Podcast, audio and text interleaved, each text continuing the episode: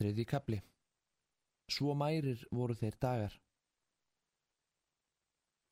Selju nefndi Jonna hana. Annars hétt hún Sesselja Birgitta Theresa. Sál hennar var eins hrein og nöfn hennar þryggja helgi meja öll í senn. Uggi hitti Selju fyrst á Íslandingafélags skemmtun og það varð ástu fyrstu sín eins og áður með önnumarju. Það er að segja af Ugga hálfu. Í sögunni velur hann unnustunni nafn móður sinnar. Þær tvær renna saman. Paradís bernskunar hefur lokist upp. En áður en svo erði þurfti Uggi að vinna margar þrautir. Hvað vissi hann um Selju? Kanski stóðinni alveg á sama um hann. Kanski var hann meira að segja heitbundin öðrum manni.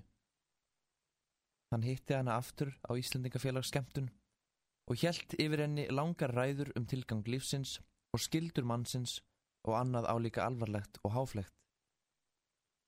Selja sagði fátt, en tifaði léttum fæti lítið eitt, fagur mótuðum ökla. Hún hjælt að hann var í gamall maður og eftir fylgdi annar maður henni heim. Það setti stað mér einhver tómleiki sem mér eh, tókst ekki að hafa mig upp úr. Ég heimsótti engan mann í heilan mánuð eftir þetta, en satt mest megnast heima. Einstöku sinnum tók ég mig til og skrifaði svo litið, en með hangandi hendi. Dagar líða, vikur, mánuður. Loks uppgötvaði Uggi að Selja hafði fyrir síð að ganga sér til skemmtunar í Fridriksberg skarði. Hann tók nú að sæta færis að hitta hana þar. Selja let það óátalið en gaf honum annars engan ádrátt. Setna rekst hann á hana þar sem hún strunsar fram úr nýleikuskleifinni og hann fær að fylgjast með henni upp svinsryggin. Það amar eitthvað að Selju og hún trúir honum fyrir heimilis erfileikum sínum. Trátt fyrir einlægni orðana er reymurinn fjarlægur. Sinjar mér aðeldar í málinu. Mér er vel ljóst að í augum selju er ég varl til. Ég vil ekki á þessari stund, þótt hún tali við mig í trúnaði. Samt fyllist hjarta mitt gleði. Allur treyji víkur frá mér, sakir vonarinnar um að ég geti orðið henni til stuðnings. Nú reyði Ugga á að spjara sig. Hann tók til að ljúka leikriti sínu Guðu drottin, en um það fórað lokum svo að handriti var kirsett á samt öðrum þökkum Ugga vegna ógóldinar húsalögu og týndist. Hann skrifaði Ketilbyrni Ava og bað hann um 600 krónar lán svo hann geti skrifað áhyggjulegs í eitt ár. En gamli pappi þóttist ekki geta orði við bón hans. Uggi fó greittist afa sínum, þeim gamla grútar hálesti og átti lengi erfitt með að fyrirgefa honum. Allar bjargir virtust bannaðar. Hvernig allir hefði farið fyrir mér ef selja hefði ekki verið? Við mættin einstöku sinnum, að vísu mjög sjaldan en þó einstöku sinnum. Á þessum módrægu tímum umkomuleysisins stuttist trú mín á mannkynið við hana eina og slíktið sama trú mín á sjálfan mig. Ég hitti hana sjaldan og aðeins í sveip, en aldrei hvarf hún úr huga mínum. Hún var og lífið um leið. Að því kemur að Uggi byður selju. Daginn félst hún á að koma heim í herbergi hans. Uggi síndi henni allt sem komi hafi út á prenti eftir hann, öll handritað kvæðum og sögum. Svo kisti hann hana á þrjóskar ungmegar varir. Að lokum bað hann hennar.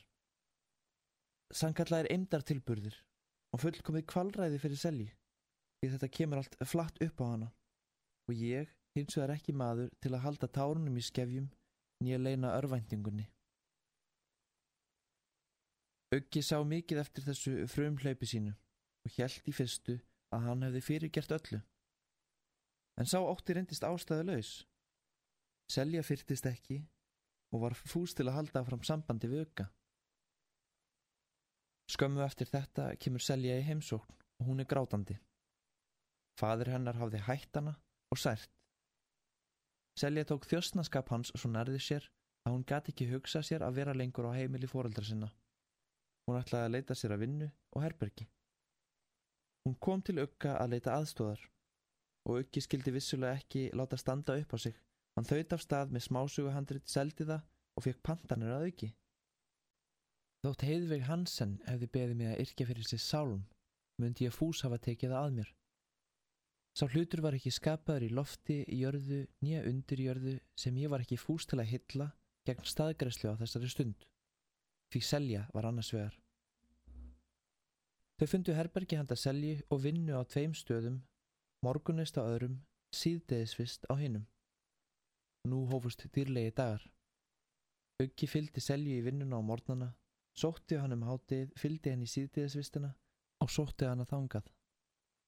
Og kvöldunum eittu þau saman til miðinættis.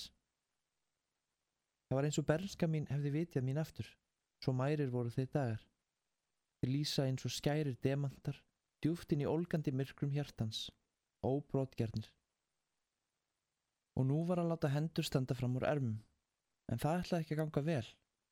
Uggi varði jafnvel svo auðralaus að hann gati ekki greitt húsaleguna og var sagt upp. Selja lendi einni í erfileikum. Húsbóndi hennar í síðdegisvistinni varð nærgangull við hana og hún sagði upp vistinni.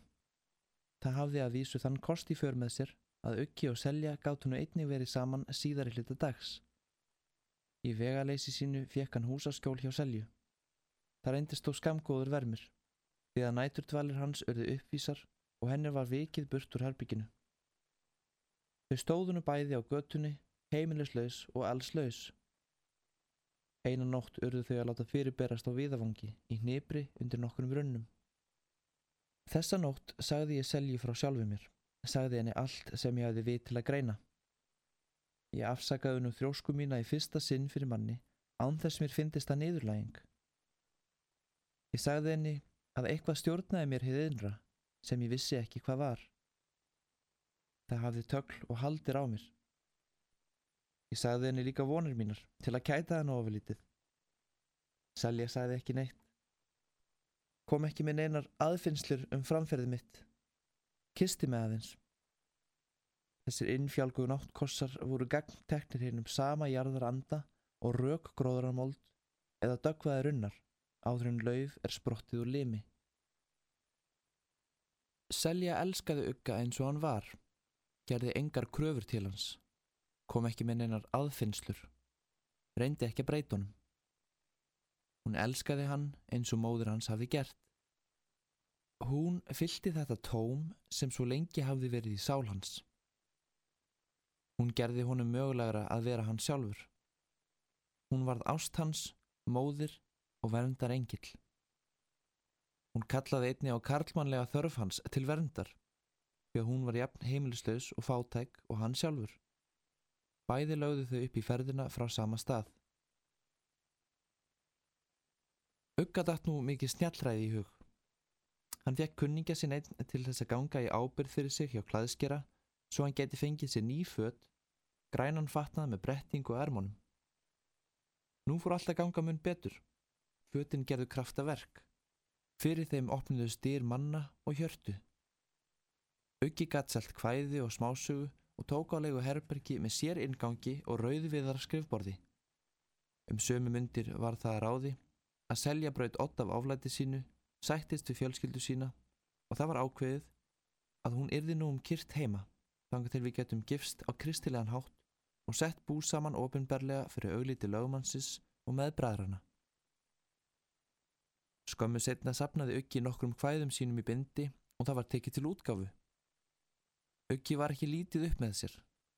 Hann var trúluvaður, átti bóki í búarglöggum og áðurinn varir er hann farin að semja skáldsögu þá sem hvað þrálátast hafði sótt á hugminn næstliðin ár og ég hafði ekki haft hugdurf til að ráðast í hinga til. Honum miðaði vel áfram. Nú var ekkert sem þjakaði og þingdi. Á hverju kvöldi kom Selja og las það sem bæst hafði við um daginn. Við töluðum annars ekkert margt um bókina, en Selja var vön að brosa dálítið til mín þegar hún var búin að lesa síðustu síðuna og tefa svo litið með fætinum.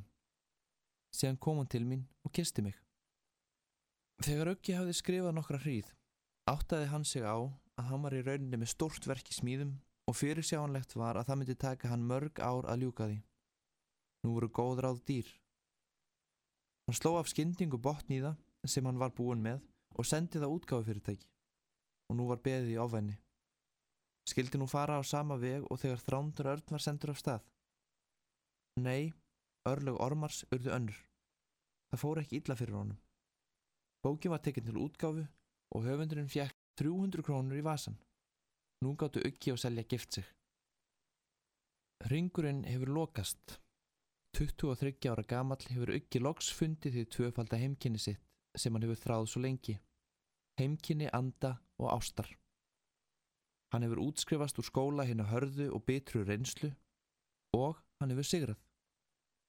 Hugleikur mjög siglandi stýrir þöndum seglum um heiminn lána. Hann er sterkari og djarfari en nokkru sinni fyrr því að drottning hans umvefur kappa sinn blíðu mildubróð. Hann er sterkari og djarfari en nokkru sinni fyrr því að drottning hans umvefur kappa sinn blíðu mildu brosi. Hann getur að vísu ekki stráð fíkjum og rúsinum yfir grímstæðatúnið eins og hann ætlaði sér í bernsku en hann á eftir að gera annað sem meira er. Strá andlegri auðlegð yfir þjóðsína í norðrinu. Hann á eftir að sanna öldum og óbornum að æðsta mæti hvers manns er fólki í því að vera sér trúr, því innsta og besta sem í hverjum býr, kjarna sjálfsíns. Það er tilgangur allra hluta.